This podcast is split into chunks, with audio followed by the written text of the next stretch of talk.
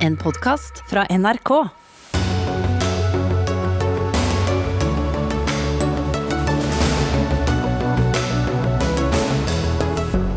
Flere hundre passasjerer satt fast i Romerikstunnelen med overfylte toaletter, men uten lys og varme. Elendig beredskap, mener Pendlerforeningen. Kunnskapsministeren vil bremse privatiseringen av skolen. Et angrep på fag vi trenger, svarer Høyre. Milliardærer flytter fra Norge, og regjeringen får skylda. Det er for lett å stikke av fra skatteregningen, mener kommentator i Dagens Næringsliv. Uro i Kosovo, strid mellom serbere og kosovo-albanere. Balkan er fremdeles en kruttønne, sier tidligere fredsmekler Kai Eide. Og arbeidsgiver har lov til å spørre om seksuell legning når prester ansettes. Diskriminerende, mener Åpen folkekirke.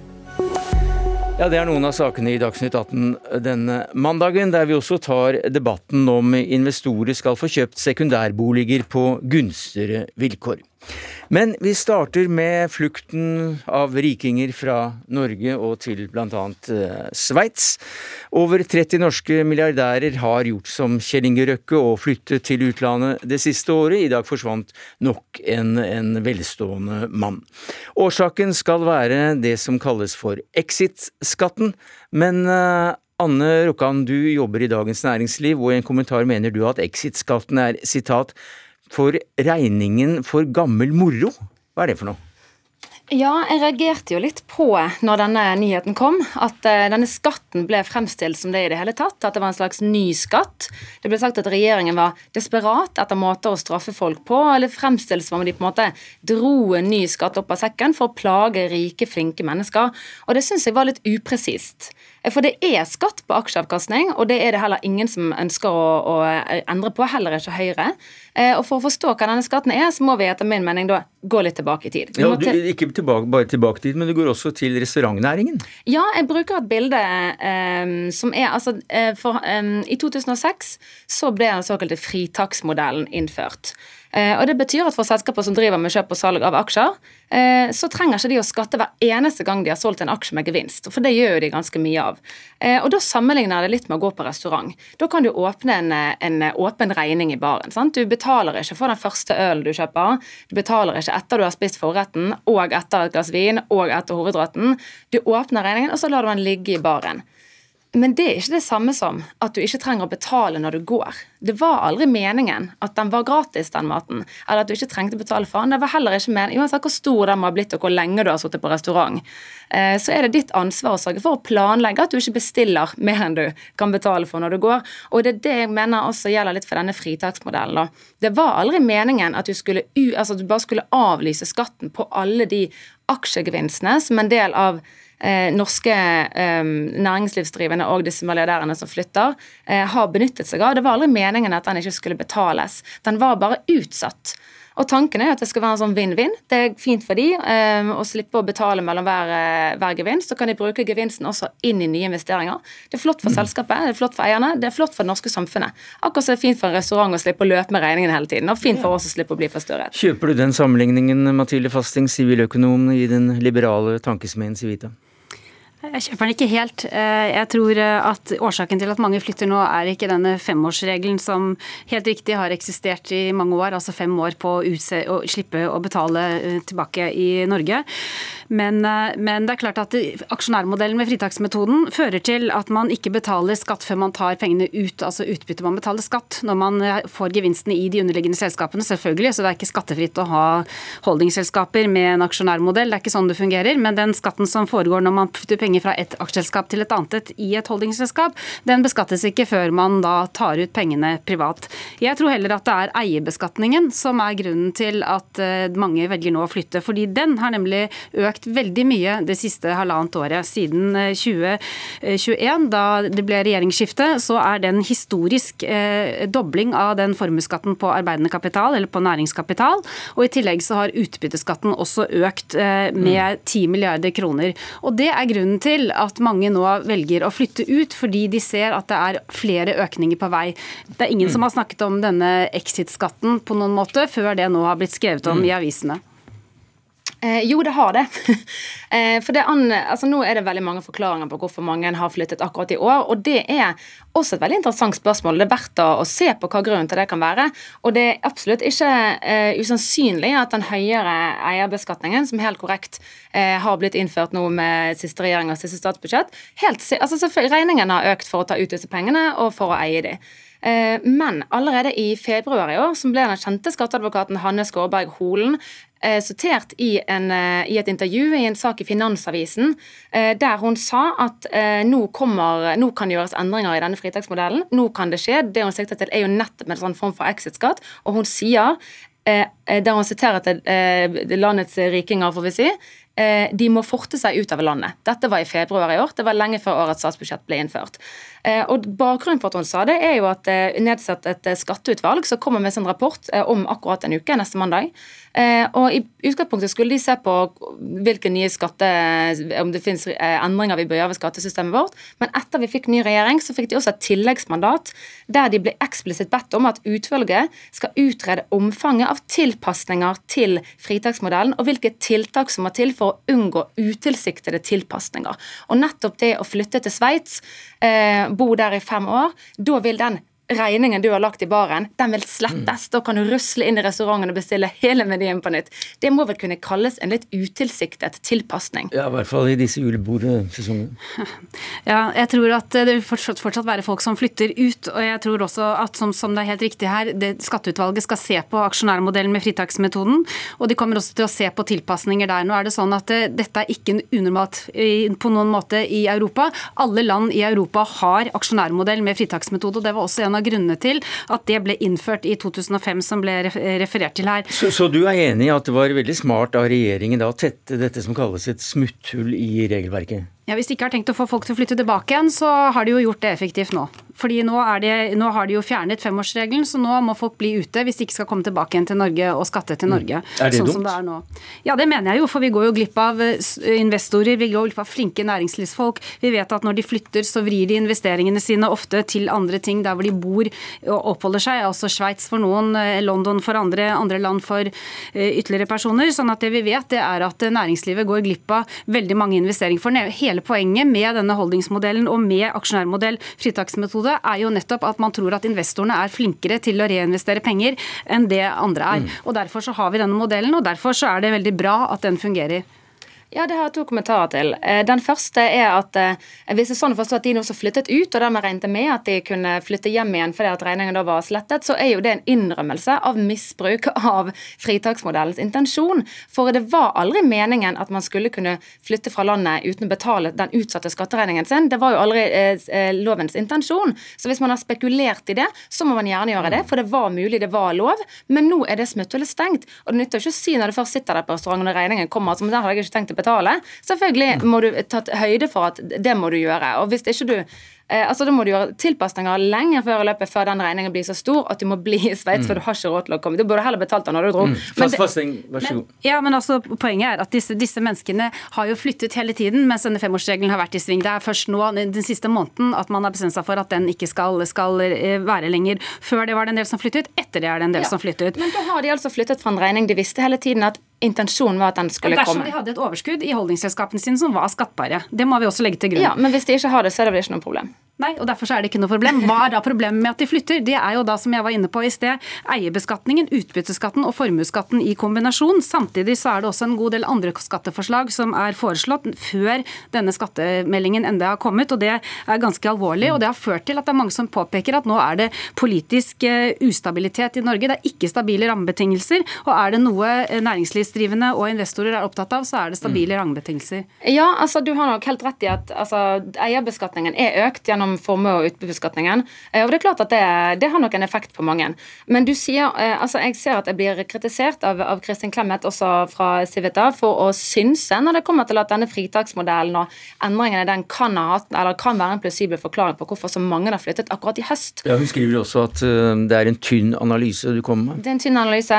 Men jeg må jo si at når det kommer til tynne analyse og synsing, så er jo det svaret jeg får av Clemet, om, og som du gjentar her nå, at det som er det verste nesten med denne utflyttingen, det er at, de, de, at da går vi glipp av investeringer her i Norge, at disse dyktige menneskene flytter ut av landet. Men det er jo det ingenting som tyder på at ikke de, selv om de flytter ut, fortsetter å investere her i landet. Det er her de har bedriftene sine, det er her de har nettverket sitt, kunnskapen sin, det er her de har infrastrukturen sin. Vi ser det på familier som Wilhelmsen, Hagen, John Fredriksen, Røkke. De presiserer at deres bedrifter og investeringer de blir i landet, for det her de har grunnlaget Enn så lenge, vil jeg si. fordi at over litt tid så er det ikke sannsynlig at det kommer til å skje. Så Men det, det er også det vi synsing. Vet, nei, det er ikke synsing. Det har vi også funnet ut og spurt faktisk en god del som har flyttet ut. og Det kan du se i en Civita-rapport fra 2015-16. Så gjorde vi det. Vi gikk ut og spurte hvordan investorer tenkte på investeringene mm. sine etter at de var flyttet ut. Så okay. det fins empiri på det. Ole Andreas Elvik Næss, du sitter i Bergen som postdoktor ved samfunns- og næringslivsforskning ved Norges handelshøyskole. Og du har hørt uh, Rokkan og Fasting uh, her debattere dette. Hva mener du er hovedårsaken til at uh, det blir milliardflukt? Ja, Bildet er litt sammensatt. da. Men rent pengemessig så er det ingen tvil om at for de fleste av disse, så er det å, å dra fra skatteregningen det, det, viktigste. For da Røkke som eksempel, det er spekulert at han kan tjene opptil 10 milliarder kroner eh, på å slippe unna skatteregningen, mens han sparer f.eks. rundt 200 millioner i året på å slippe unna formuesskatt. Eh, men når det er sagt, så er jo det mer komplisert. fordi Um, regjeringen har jo signalisert både at skatten skal opp på formue, på kapitalgevinster, og de har også signalisert at det skal bli veldig mye vanskeligere å konsumere uh, fra bedriften. Så de sender veldig sterke signaler til eierne om at vi har tenkt å skattlegge dere mer. Så selv om de signalene i kroner og øre ikke er verdt like mye som å utnytte dette skattehullet, så vil jo kombinasjonen gjøre det ekstra verdifullt å klare å, å rømme, da, eller stikke, før, uh, før skattehullet tettes. Så jeg tror det er det mye av det vi har sett i øst. Men hva da med denne exit-skatten? Jo, Den vil jo da hjelpe. fordi fra nå vil, eller Den som er innført foreslått til nå, da, vil jo hjelpe fordi det vil gjøre det eh, vanskeligere å være fem år i utlandet og så komme tilbake. Men selvfølgelig for de som har tenkt å bo i utlandet for resten av livet, så er det ikke noe problem det som er blitt eh, foreslått til nå. Eh, for å stoppe det, så må man i så fall innføre en skatt eh, når de faktisk drar ut. Ja, Hvordan kunne det gjøres? Nei, Det finnes jo forskjellige modeller. da. Tyskland har jo én type modell, andre land andre type modeller. Um, men i praksis vil du da si at når du, når du, drar fra landet, så har du med deg denne skatteregningen som Anne um, har fortalt om. Um, og så må du bare for betale den i løpet av så og så mange år etter du har dratt fra landet. Er du enig i det? Det kommer an på om, om, EU tillater det. Eh, jeg har også sett at EU-domstolen eh, e har, eh, har, nektet for å kunne innføre den typen lovgivning som f.eks. Tyskland har innført nå. Det er en sånn exit-skatt. og Det betyr at vi får se om domstolen i EU aksepterer den skatten som er innført i Tyskland, om de får lov til å gjøre det. Det har ikke vært lov hittil. Og om hvordan man eventuelt kan gjøre det. Jeg mener jo at man heller må se på årsaken til at de flytter i utgangspunktet. Og jeg tror årsaken ligger i skatte, skattebelastningen som vi nå har for eiere. Og de har, det, fått, de har det fått godt fram. Og det er jo problemet. Men da har vi i hvert fall fått sammenlignet eh, alle disse skattehensynene med restaurantnæring. Så får vi se hvem som betaler taxien hjem. Takk skal eh, dere ha. Mathilde Fasting, siviløkonom i den liberale tankesmien Civita. Eh, Anne Rokkan, kommentator i Dagens Næringsliv, og takk til deg i Bergen. Ole Andreas Elviknes, forsker ved samfunns- og næringslivsforskning, SNF ved Norges handelshøyskole.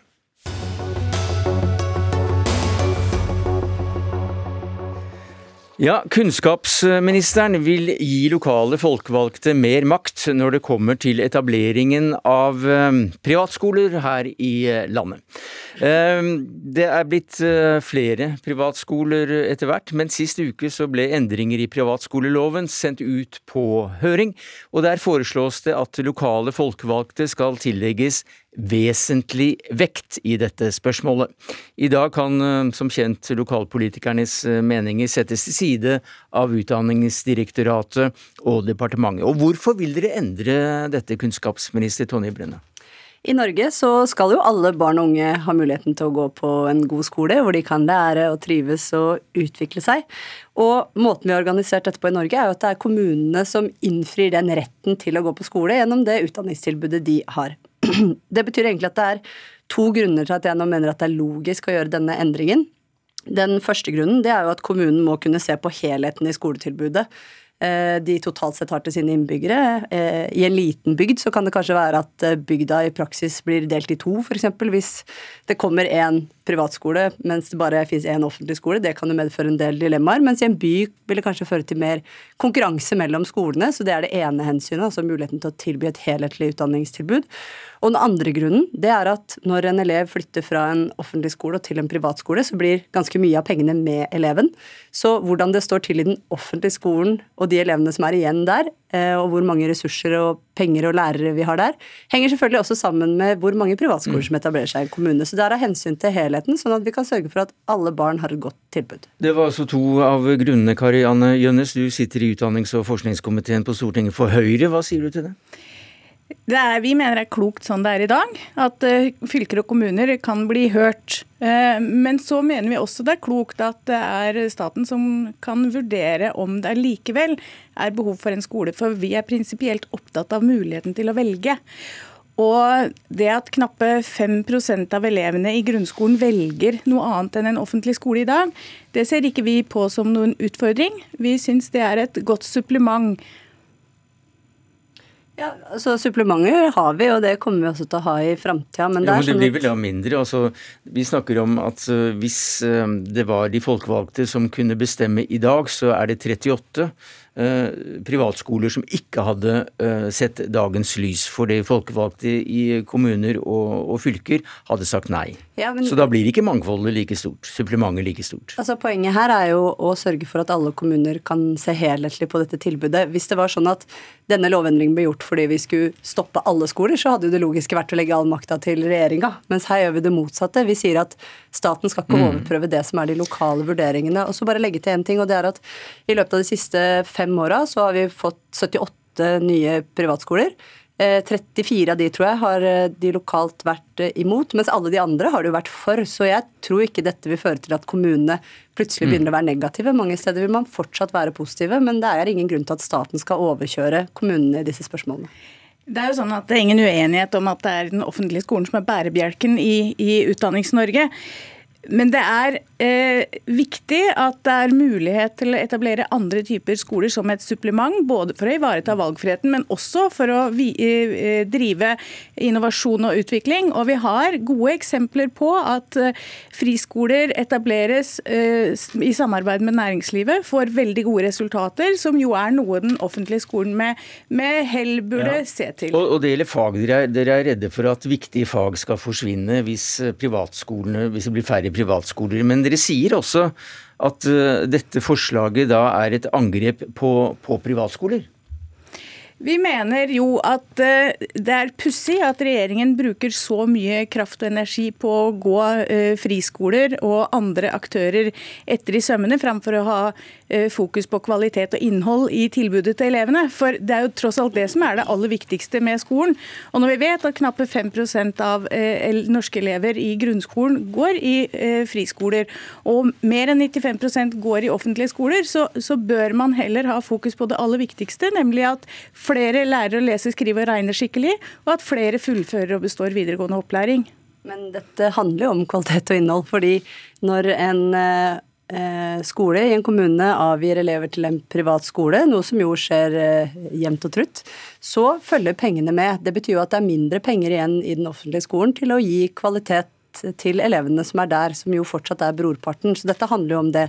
Så mener jeg jo i tillegg at Eh, denne påstanden om at det ikke skjer eh, innovasjon i offentlig skole. Vel, det skjer jo utvikling i norsk skole hver eneste dag. Det eneste som er helt sikkert, er at det blir mindre utvikling, mindre mulighet for å tilpasse seg hver enkelt elev, mindre mulighet for kvalitet, ansette flere lærere, hvis pengene flyttes ut av skolen. Så dette er jo et forsøk på å gjøre nettopp det. Sørge for at det blir god opplæring til alle våre elever. Og da må det være en mulighet til å se en bedre sammenheng i den enkelte kommune. Men ligger ikke det bånd her at eh, skolene skal være kommunale eller fylkes næringsdrevet, og at dere ikke er så veldig begeistret for private løsninger? Jeg er veldig opptatt av at vi skal ha en sterk fellesskole i offentlig regi. Ja, men jeg spurte om ikke det ligger til bånn at privatskolen, at dere ikke liker privatskoler dette, som prinsipp? Nei, men dette handler jo ikke om det. De innstrammingene vi gjorde i sommer, altså i juni, det handla om hvem som får lov til å etablere privatskole, og hva slags skole ja. det skal være. Det er riktig at det er en innstramming, fordi vi mener at de private skolene vi har, de skal være supplementer til den offentlige skolen. Det skal ikke bidra til mer konkurranse om eller mellom elevene. Det mener jeg er viktig rett og slett for å sørge for at alle elever har et godt tilbud.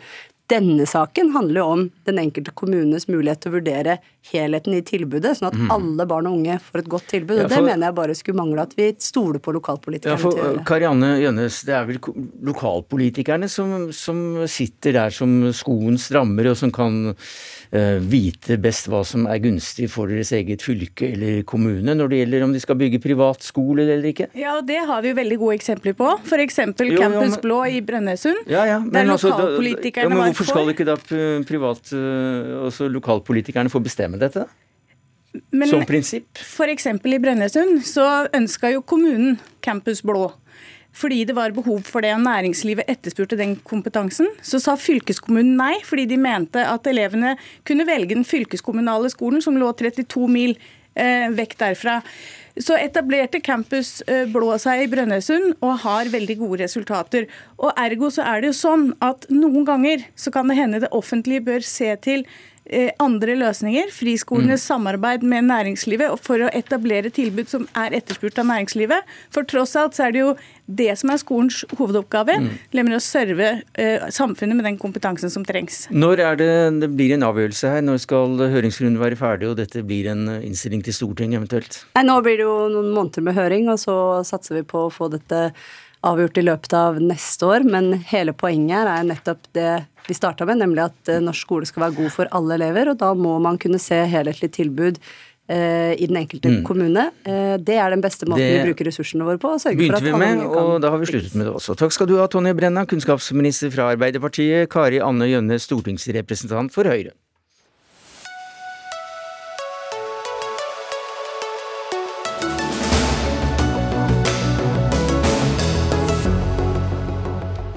Ja, Kunnskapsministeren vil gi lokale folkevalgte mer makt når det kommer til eh, etableringen av privatskoler her i landet. Det er en sak som vi har eh, nettopp eh, kommet oss gjennom. Mens vi nå skal inn på presteyrket, og hva arbeidsgiverne egentlig får lov til å spørre de håpefulle kandidatene om når det gjelder rett og slett seksuell legning, for det er vel det som ligger i bånn her.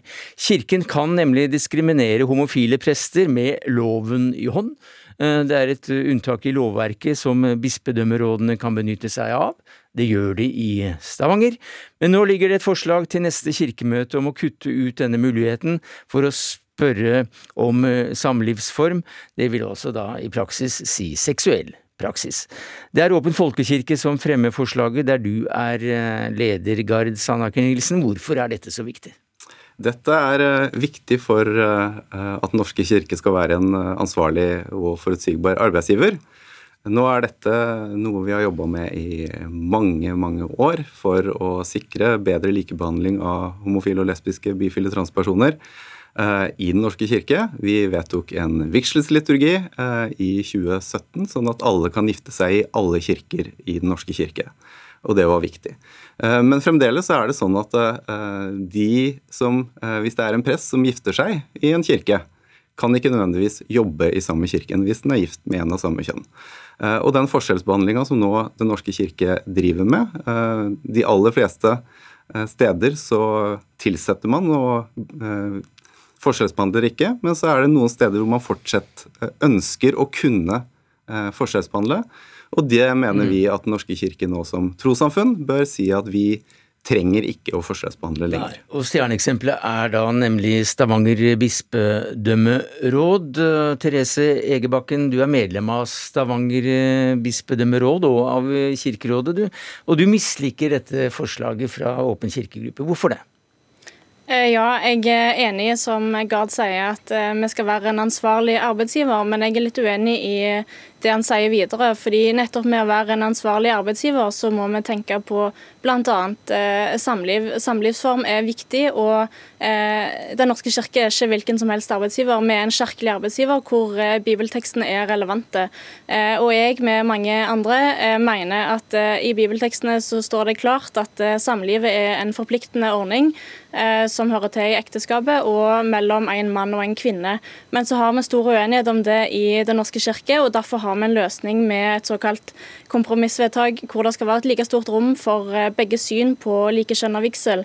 Eh, og nå foreslås det jo at eh, i ansettelsesprosesser at man skal kutte ut i praksis det ene synet. og Det syns jeg er problematisk. for at I verste fall så fører det til meningstvang, hvor jeg f.eks. må stemme for en søker som jeg egentlig ikke ønsker å stemme for. På grunn av er det meningstvang du vil ha, Sanna Knilsen? Nei, det er ikke noe meningstvang. Eh, Det er rom for ulike syn på ekteskapet i Den norske kirke, og det kommer det også til å bli. Det dette dreier seg om, det er hvordan behandler vi ansatte. Eh, Og skal man kunne eh, jobbe i Kristiansand og søke seg til Stavanger eller Sandnes og få en jobb der. Om man er diakon, kantor, kateket eller prest, og bli vurdert. Og i praksis, det som Egerbakken på en måte nå foreslår, det er jo at en homofil biskop eh, eh, på en måte som Nå finnes det eh, Det tror jeg ikke noen i Den norske kirke som er det, men eh, hvis har du spurt dem? Jeg har ikke spurt eh, noen. Eh, hvis, eh, hvis man da ikke lenger ønsker å jobbe som biskop, men søker seg til en prestestilling i Sandnes, så kan da bispedømmerådet si at vi ønsker ikke å Eller vi ønsker å tillegge at du er gift med en av samme kjønn, vekt, så du får ikke jobb. Men det er vel forskjell mellom landsdeler her, hvor liberale man da er? Altså Vi er vant til å kalle det den stripa for, eh, for et begrep som, som tyder på det, og da må det vel være greit at ordninger også passer for den enkelte distriktet? Det er stor mangfold i Den norske kirke, og det går på tvers av regioner og menigheter over hele Norge. Det denne saken dreier seg om, det er nå hvordan skal vi behandle ansatte. Hvordan skal Den norske kirke eh, som arbeidsgiver sikre det psykososiale og fysiske arbeidsmiljøet til ansatte. Det er et ansvar vi har. Og nå må Den norske kirke vurdere er det faktisk grunnlag for å forskjellsbehandle. For det er det som loven krever av oss, at vi eh, vurderer om det er grunnlag. Når eh, nå ti bispedømmer og de aller fleste arbeidsgivere i Den norske kirke sier at det er ikke grunnlag, så må også Den norske kirke si skal vi fortsette med dette her. Egebakken? Eh, Det at det er alle utenom oss i Stavanger som har fjerna denne muligheten, handler jo ikke om at eh, vi henger langt bak, eller at eh, det er- kun uttrykk for at det er en annen politisk eh, ledelse, et annet kirkepolitisk flertall i de andre bispedømmene enn i eh, Stavanger. Jeg er stolt av å sitte i et eh, bispedømmeråd som eh, sier at eh, samlivsform er viktig, og som har vedtatt å beholde muligheten for å vektlegge samlivsform. Eh, Og så tenker jeg at det- er det, Jeg blir bekymra hvis eh, Kirka nasjonalt, hvor Åpen folkekirke har flertall, eh, bestemmer seg for å gjøre et vedtak som overstyrer det lovlige vedtaket vi har gjort her i Stavanger. Eh, Her, av respekt for eh, medlemmene i Kirka i Stavanger, så bør vi få ha det vedtaket som er demokratisk og lovlig gjort. De fleste kirkemedlemmer i Stavanger har stemt inn et såkalt konservativt flertall da i bispedømmerådet, og vi har da eh, gjort dette vedtaket. og jeg tenker at Det er helt rettferdig og innenfor at vi skal få behandle, nei ikke få behandle, men få beholde det vedtaket iallfall innen denne valgperioden. Det Eh, er- For Åpen folkekirke har ikke makt eller flertall i Stavanger, og det skulle jeg ønsket ble respektert. Det er flere bispedømmer Åpen folkekirke ikke har eh, flertall, og vi har ikke flertall verken i Kirkerådet eller i Kirkemøtet. Eh, Og dette er ikke en overstyring av et eh, lokalt vedtak. Vedtaket er uh, fatta eh, riktig, men Egerbakken kan ikke eh, skyve medlemmene i Stavanger bispedømme foran seg. For de er et mangfold, eh, og noen ønsker at Egerbakken skal fortsette eh, sånn som hun gjør, eh, og noen ønsker en endring i praksis. Eh, Det er helt demokratisk legitimt og riktig at Den norske kirke nå tar ansvar som arbeidsgiver og vurderer skal vi benytte oss av eh, unntaket fra diskrimineringslovverket. Det er et eh, forbud mot diskriminering i Norge, og så har eh, norske kirke et unntak sammen med andre tro- og livssynssamfunn. Eh, og det er det Kirkemøtet som må vurdere. Eh, og dette vil være et viktig signal til andre tro- og livssyn også, eh, livssynssamfunn, om at eh, det er ikke grunnlag for å forskjellsbehandle ba med basis i hvem du er gift med. Egebakken? Som ansvarlig arbeidsgiver så tenker jeg at eh, det er også viktig å vektlegge fremtidige arbeidsforhold. Hvis man har en menighet som eh, eh, uttrykker motstand for, eller uttrykker at de ikke ønsker å få en, en prest som lever i en likekjønnet samlivsform til prest, så tenker jeg at det er ansvarlig av eh, bispedømmerådet med tanke på både søker og menighet sitt fremtidige arbeidsforhold å vektlegge dette her. Eh, Pluss at eh, flertallet av kirkemedlemmer har stemt inn sånn som de har gjort på den måten, sånn at bispedømmerådet i Stavanger har et flertall, et konservativt flertall, og det tenker jeg at Åpen folkekirke burde mm. respektere. Da blir avgjørelsen tatt til sommeren, der det er kirkemøte. Så får vi se hvordan det går. Takk skal du ha, Gard Sandaker Nilsen, leder i Åpen folkekirke, og til deg i Stavanger, Therese Egebakken, medlem av Stavanger bispedømmeråd.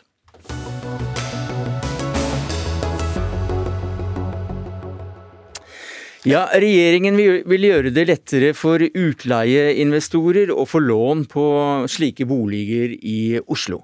I dag er kravet til egenandel for denne gruppen på 40% hørte vi i Nyhetsmorgen i dag, mens vi som kjøper egen bolig, vi slipper unna med 15% krav til egenandel, slik Siv Jensen ordnet det som finansminister.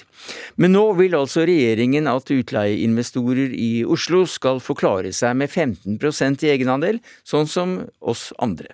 Og dette liker du som byråd for byutvikling i Oslo dårlig, Hanna Markussen. Hvorfor det?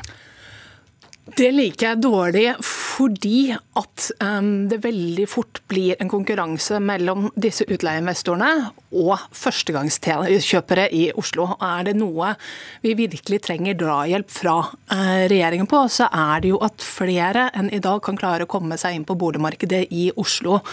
Det vi så før dette særkravet i Oslo ble innført i 2017, var at det er særlig de små leilighetene, ettroms- og toromsleiligheter, som er de mest attraktive selvfølgelig for førstegangskjøpere, men også for de som gjerne har litt ekstra penger og gjerne kan tenke seg å investere i en utleiebolig. Uh, og Det driver opp prisene. og det vi så da er at ofte er det førstegangskjøperne som taper den mm. priskampen. Og Da dette ble innført i 2017, så så vi at det hadde en avkjølende effekt på boligprisene. og som Bortsett fra renteøkning nå de siste månedene, så er de, de, endringene som ble gjort i utlånsforskriften den gangen, det mest effektive virkemidlet jeg har sett i min tid som byråd eh, på boligprisen mm. i Oslo. Erling Emil Laugsand, du er statssekretær i Finansdepartementet. Er dette en villet politikk? Gjør det vanskeligere for folk flest å komme seg inn på boligmarkedet? Nei, nå er Det jo viktig å få fram at det vi virkelig har gjort med de endringene i utlånsforskriften, er å gjøre det lettere eh, for det som har begrensa mange, og særlig for mange unge og førstegangskjøpere. Det er jo kravet om at du må tåle 5% renteoppgang.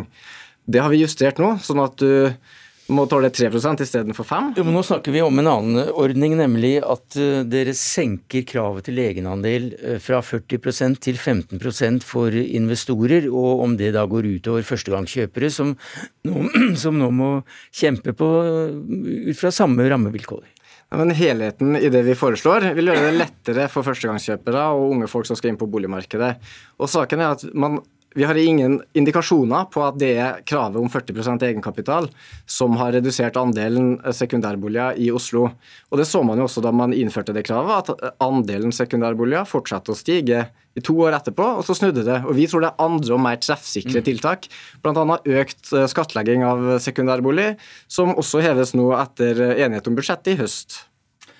Det er klart at det er flere virkemidler som, er, eh, som bidrar til at det blir færre sekundærboliger. Eh, men vi kommer ikke unna det at eh, da disse endringene ble gjort i utlånsforskriften, bl.a. denne endringen, så så vi at det hadde en klar avkjølende effekt på markedet i Oslo. Og det er viktig fordi da var situasjonen at vi hadde hatt en spinnvill prisgalopp i 2016, og så klarte disse endringene i 2017 å roe ned. Det er veldig viktig. Så vi trenger alle virkemidler som kan bidra til å avkjøle boligmarkedet.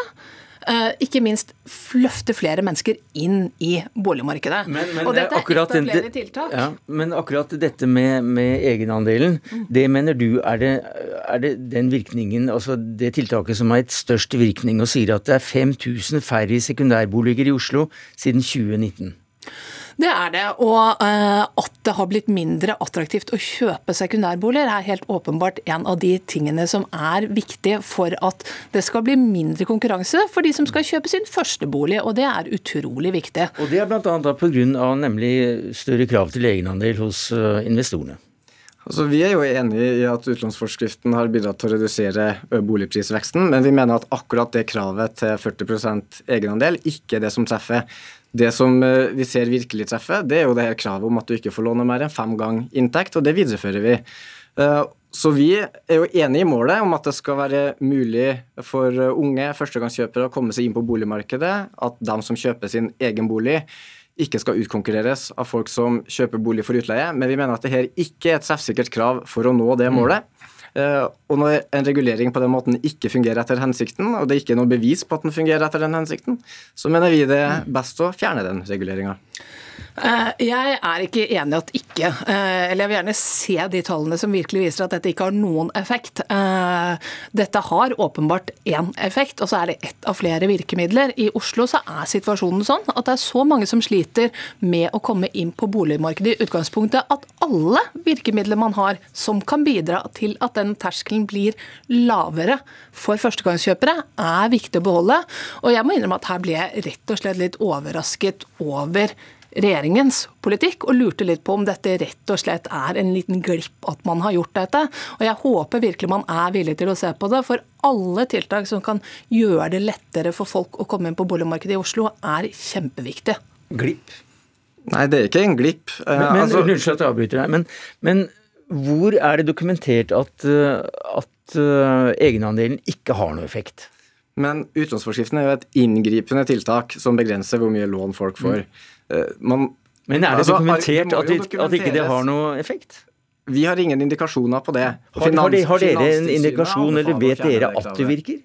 Også, har, hvor, hva er fakta her? Vi har en indikasjon på at de endringene var klart var flere endringer som ble gjort i utlånsforskriften i 2017, men at de bidro til å eh, kjøle ned markedet, og også bidro til å dempe noen av de spinnville prisbudrundene eh, på disse minste leilighetene. Eh, det har vi indikasjoner på, men det er som sagt ett av flere mm. virkemidler. Men det er da jeg ikke skjønner hvorfor fjerne det en av de. Som sagt så er jo utlånsforskriftene et inngripende tiltak, og det var omstridt da det kom, men det har fungert godt. Nå gjør vi noen justeringer, sånn at det skal være mer treffsikkert og være mer målretta. Eh, og vi mener jo det må argumenteres for hvorfor man skal beholde et inngripende tiltak. Ikke at eh, vi må eh, Når vi ikke har noen fakta som sier at det har hatt den effekten det her vises til, da mener vi at vi heller må se på de andre tiltakene vi har. Og Noe av det viktigste for å få flere inn på boligmarkedet, og særlig i Oslo, er at det bygges flere boliger. og Det er vi bekymra for nå. At det igangsettes få boliger og ferdigstilles men, men dere, dere, sier at altså, målet, dere har målet felles, ikke sant? Flere, flere som etablerer seg for første gang skal inn på boligmarkedet. Men dere er helt uenige om faktagrunnlaget her? Det er vi, og vi sendte jo en høringsuttalelse også om dette Rett og slett fordi vi var bekymret for dette. og Da ble det argumentert fra eh, Finanstilsynet med at man ikke liker særregler, eh, og at man ikke liker at det er et særkrav i Oslo kontra resten av landet. Vi mener jo at man nettopp trenger å ha en boligpolitikk som er ulik i Oslo og de største byene og i resten av landet. Rett og slett fordi at situasjonen er annerledes i Oslo enn eh, f.eks. i en mindre kommune, hvor boligmarkedet er noe helt annet. Og alle tiltak da som kan bidra til at førstegangskjøpere har lettere for å komme inn, for det er de vi må hjelpe inn på boligmarkedet, ikke de som skal investere i bolig i Oslo. Så, så bør vi bruke de tiltakene. Og nå går vel prisen ned uansett, så takk skal du ha, Hanna Markussen, byråd for byutvikling fra MDG i Oslo, og Erling Emil Laugsand, statssekretær i Finansdepartementet.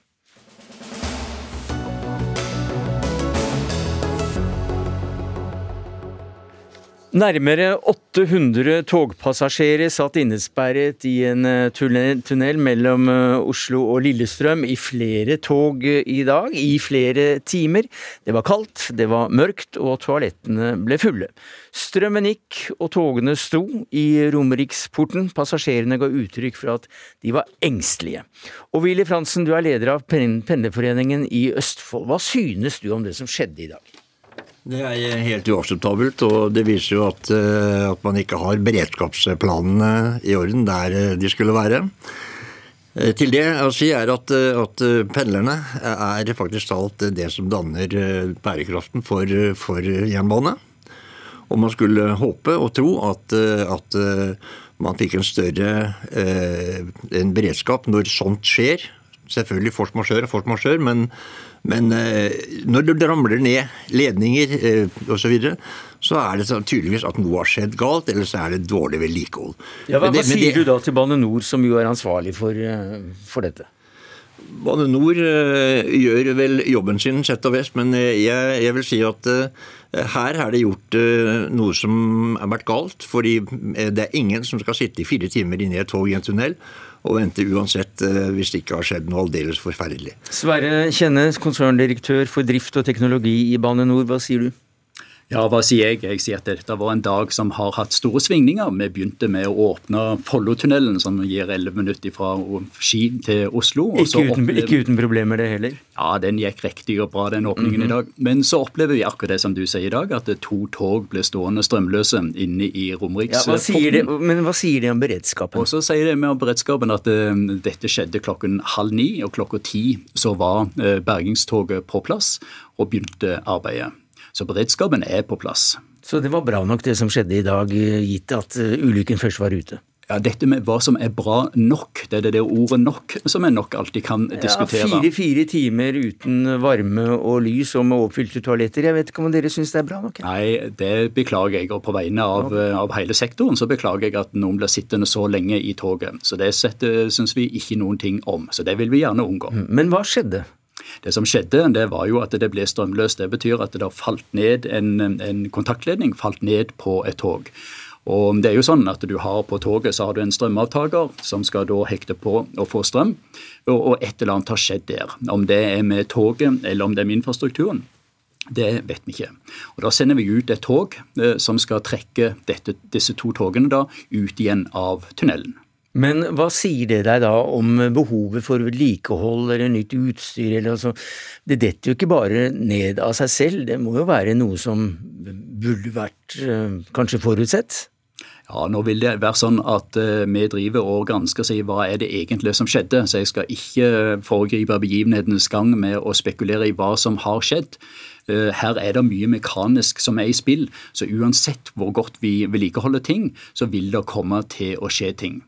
Eh, og Det betyr ikke at vi på noen måte er fornøyd. Vi ser på hva kan vi gjøre med å bruke moderne teknologi for å overvåke og se hva, eh, hva er det som er i ferd med å bygge seg opp, slik at en mm. ønsker å unngå denne type hendelser. Ville Fransen, som leder av Pendlerforeningen i Østfold, hvilke utfordringer mener du at regjeringen har når sånt skjer?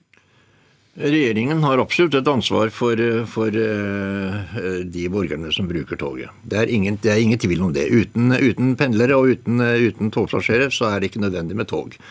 Så det, det, som, det som skjer, er jo at uh, pendlerne uh, nok er fornøyd når alt går ok, men det skal være mye større punktlighet i, i, i tilværelsen vår.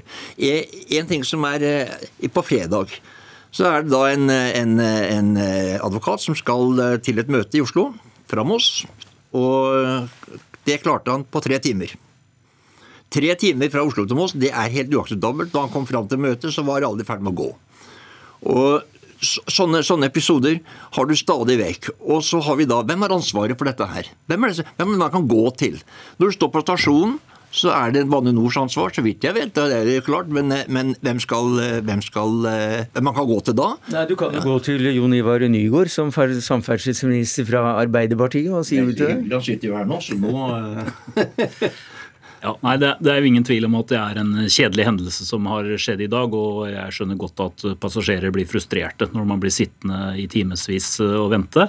Uh, heldigvis da, så er det ingen som kom til skade her, men det er selvfølgelig frustrasjoner. og eh, selvfølgelig det er ikke alle heller som takler like godt å sitte så lenge inne i et sånt togsett. Så sånn sett så ønsker man jo at det ikke skal skje. Men dette er vel ingen engangshendelse? Har, vi har vel hørt om lignende episoder i år etter år etter år i forskjellige ja. varianter? Derfor er det jo et par ting som jeg har lyst til å si om det. For det første så er jo denne regjeringen i gang med å gå gjennom hvordan vi skal organisere jernbanen for å få en bedre jernbane for framtiden. Eh, vi ønsker økt fokus på drift og vedlikehold. Derfor så har vi satt i gang i forbindelse med at vi nå lager en ny nasjonal transportplan, en egen utredning til, eh, til Jernbanedirektoratet og Bane NOR på hvordan vi kan løfte vedlikeholdet opp og fram i den nye nasjonale transportplanen. Og så har vi også gitt et oppdrag til Jernbanedirektoratet som nylig er ferdigstilt, hvor de har blitt bedt om å se på punktlighet og driftsstabilitet eh, og kundeopplevelser. Og Noen av de tiltakene er man allerede i gang med, men selvfølgelig, det er ingen garanti mot at ikke det kan komme uheldige hendelser. Men dette er jo noe vi er veldig opptatt av og ønsker at skal bli bedre. Eller, og det er jo liksom sånn som det blir sagt, det er jo sånn paradoks i dag. da, liksom Fra fest med å åpne en infrastruktur på det aller aller fineste vi har, til 36 milliarder kroner. Og så får vi samtidig en sånn hendelse som er såpass eh, ubehagelig for passasjerene. Men er ikke det, vi, eh, er ikke det vi ser nå resultatet av en nedprioritering av jernbanen gjennom, gjennom mange år? Du, eh, Jernbanen var jo nedprioritert i mange år før egentlig Magnhild Meltveit Kleppa fikk lagd en rapport tilbake i jeg tror det var i 2009. Og så kom jo Stoltenberg-regjeringen med sin nasjonale transportplan som liksom begynte satsingen på jernbane. Solberg-regjeringen fulgte opp, og vi følger opp videre. Så det er jo en veldig høy investeringstakt i norsk jernbane nå. Men det mm. tar nok noen tid før det der blir bra på alle områder. Kjære samferdselsminister. Eh, Nasjonal transportplan nå følger jo eh, kanskje ikke pendlerne helt med akkurat hva som står der, for det er jo ganske beheftig hefte. Men hva er egentlig Nasjonal transportplan i Norge? Hva, hva, hva har vi sett de siste 20 årene? Vi har sett det at Nasjonal transportplan er et dokument som er en, ønske, eh, en ønskekurv hvor man ikke har verken penger eller tidsplaner eller ferdigstillelser eller noen ting med seg. Akkurat som man, man tenker at ja, dette ønsker jeg meg. Og Det blir ingenting av. og Så lenge man ikke kjører planlagt opplegg, sånn som Danmark sier ja vel, vi skal bygge derfra til dit, der er pengene, der er tidsplanen, da skal vi være ferdig, vær så god. Uh, Finland har ti års horisont på sine planlegger. Hvor, hvor, hvor, lang, plan, hvor lang horisont har du? Hver, hver eneste år den 30. desember. Enda og det skulle jo vært slutt med når Bane Nor startet opp. Og Bane Nor er jo blitt en, en, en, en liten stat i staten, som er en bitte liten etat igjen. Nå, vi, nå tok jeg litt i, men dette her hjelper ikke pendlerne. Nei, men eh, Vi er jo i gang med å gå gjennom hvordan vi skal organisere sektoren. Men jeg tenker at eh, det, det blir litt karikert, eh, Willy, fordi vi har tross alt i dag åpna Follobanen til 36 milliarder kroner. Det er 22 km, Nordens lengste jernbanetunnel, som da bygges fra Oslo og til Ski. Og du vet jo like godt som meg at det bygges jernbane Jeg var med satt ned spadene, ja, faktisk. Du vet like godt som meg at det bygges jernbane til Moss, og det skal bygges jernbane gjennom Moss. Så det er jo ikke riktig at ikke det bygges ny norsk jernbaneinfrastruktur. Vi men, bygger også jernbane til Hamar, vi bygger jernbane til Tønsberg, for å nevne de viktigste strekningene. Men Willy Fransen er ikke den første som sier at, eh, at dette med Nasjonal transportplan det er liksom draumkved glede som, som går igjen år etter år, Nygaard? Nei, og det er nok eh, flere som mener. og Derfor så har jo vi sagt at vi ønsker å lage en mer realistisk eh, nasjonal transportplan. men, men, også... er, unnskyld at jeg avbryter deg, men er det en idé å innføre kortere frister? Altså si at penger følger med planene, og ikke bare liksom tenke ja. seg at i framtiden skal det bli det, ok? Det har vi egentlig allerede gjort, fordi vi har inngått avtale med Bane Nor om langsiktig finansiering i det som vi kaller for porteføljestyring. Ja da, men, men så de har nå en mye lengre tidshorisont enn det man hadde tidligere, og ikke så avhengig av de årlige budsjettene som man var for noen tiår tilbake. Så dette er et veldig viktig framskritt som gjør at man kan få forutsigbarhet i byggingen, og det tror jeg er veldig bra. Ja, Det var jo der Jernbaneverket stuka, for det var eneste 31.12. så var det jo slutt. Og i, i, i, nå er det jo sikkert da, fire år, sier man. Men vi, vi, vi, må ha en utvikling i Norge for pendlerne som går på uansett at man vet at planmessig hvordan det går. Punktlighet og, og, og planmessighet er veldig viktig. Til og med hver eneste dag. Og Det skal ikke være mulig for et menneske å kunne ta toget fra Moss til Oslo og så, og så, og så havne til tre timer for seint. Eh, det skal ikke være mulig, egentlig. Det skal være noe som fanger opp sånn som det her, og det er det ikke. Og Bane Nor, jeg vet ikke. Det er veldig vanskelig å få kontakt med Bane Nor når du står på stasjonen og fryser. Det er ikke så enkelt. Det vet du også. Så det må gjøres noe også som, som gjør at eh, pendlerne får tak i dette og ta toget. Vet du hva? Det er jo, det er jo klimautviklingen vår Tog er veldig bra. Det er bra for klimaregnskapet vårt. Vi, vi må mm. satse mer på det. Vi må få mer eh, rundt dette her, som gjør at det blir planmessig, og at det kan bli orden på det fra pendlerens side også. Og, og, der tror jeg du har med både Willy Fransen eh, Nei, Willy Fransen, du har med deg Sverre Kjenne og Jon Ivar Nygaard i saluten her, nemlig at tog er bra. Takk skal dere ha.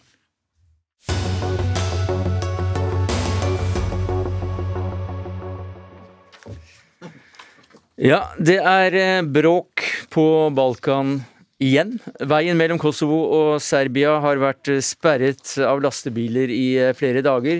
Det skytes med skarpt mot eh, politiet, og et pansret kjøretøy fra EU-styrken ble beskutt av granater.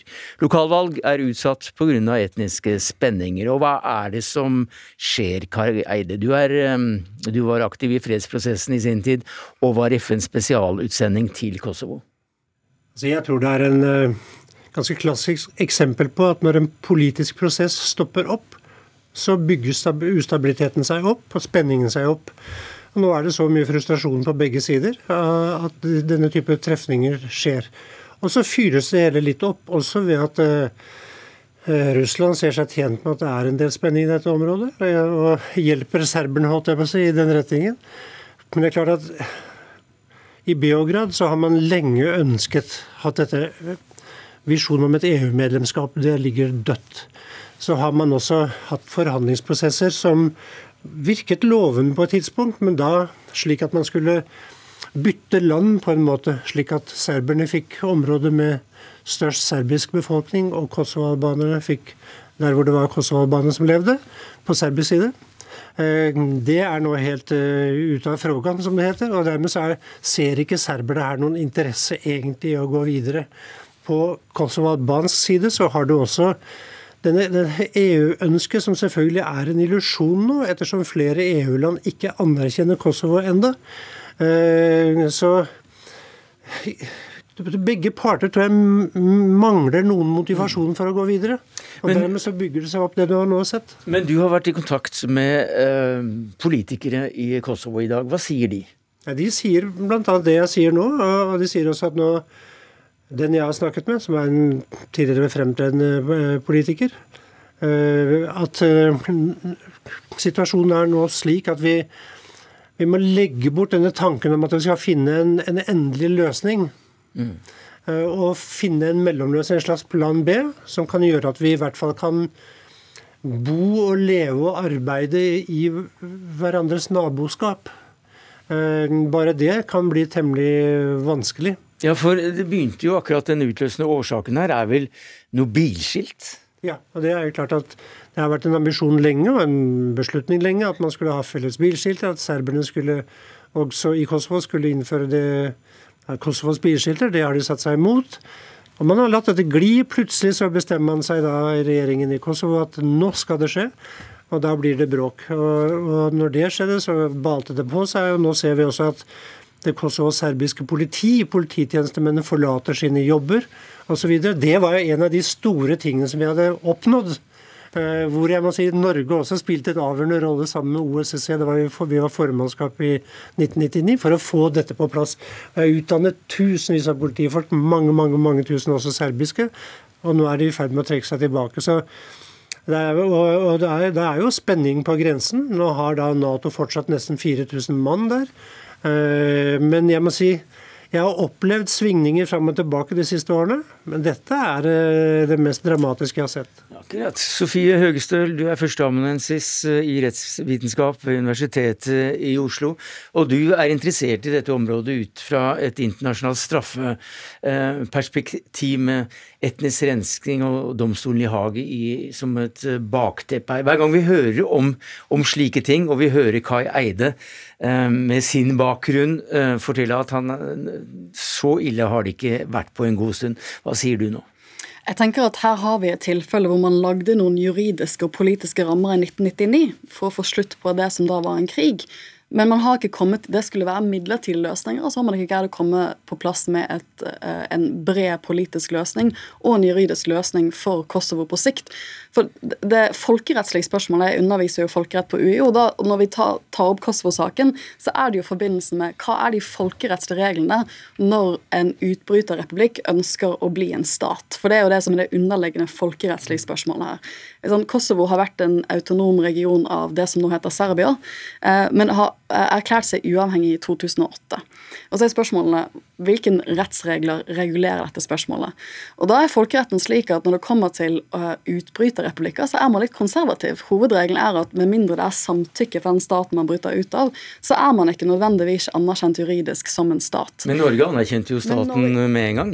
Og det er jo et politisk Mange i folkeretten vil jo si at det er et politisk uttrykk. At noen politisk anerkjenner eh, en entitet som en stat.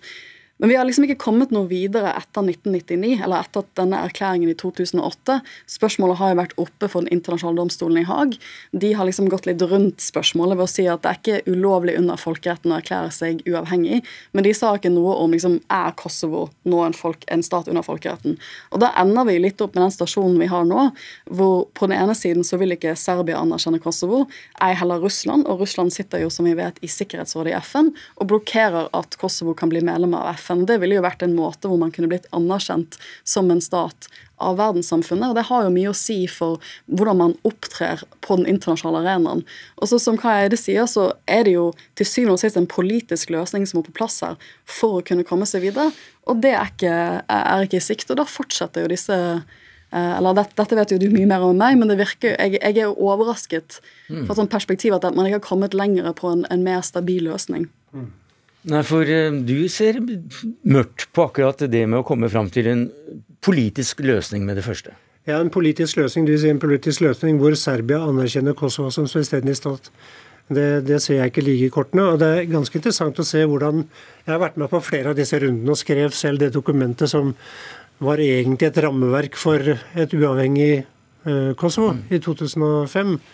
Uh, som ble godtatt av Sikkerhetsrådet, forresten. Uh, men, men, jeg ser det slik at Ehm, som jeg sa, når, når, det blir Når det ikke skjer, er noen framgang, så vokser nasjonalismen fram både i Serbia og i Kosovo. Jeg opplevde jo Jeg var på besøk i 2019 og møtte både president Vucic og president Tadic, altså i Serbia og i Kosovo. De var innstilt på å finne en løsning hvor de byttet land.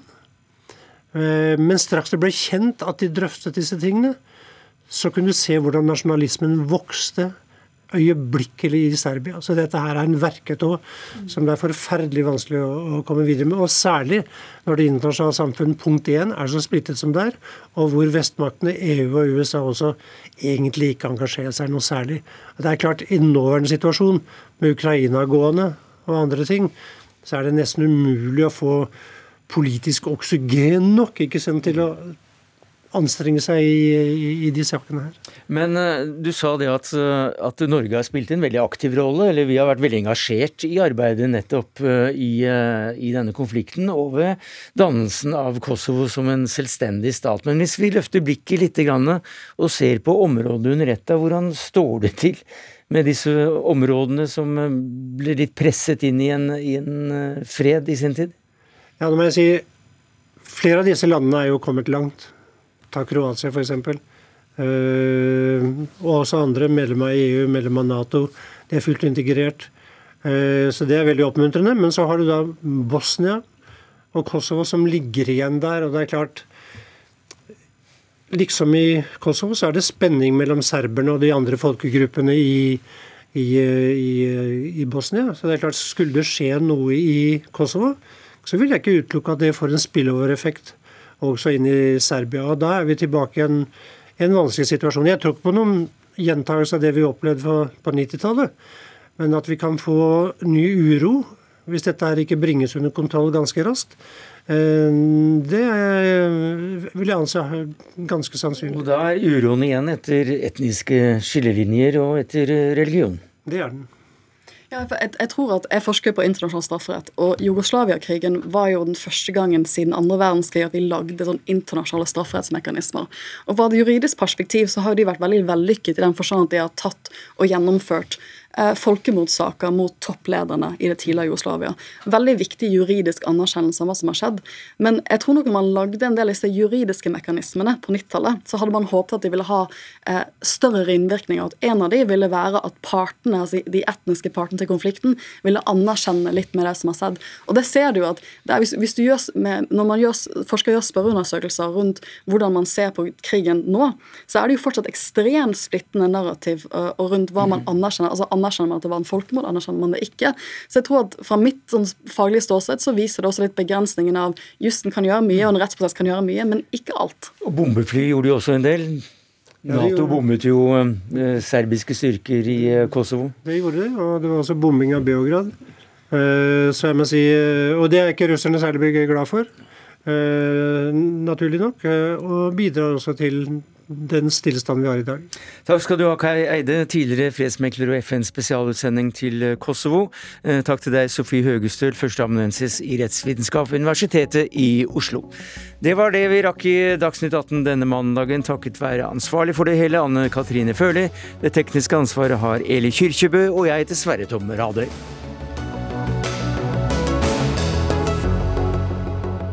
Du har hørt en podkast fra NRK. Hør flere podkaster og din NRK-kanal i appen NRK Radio.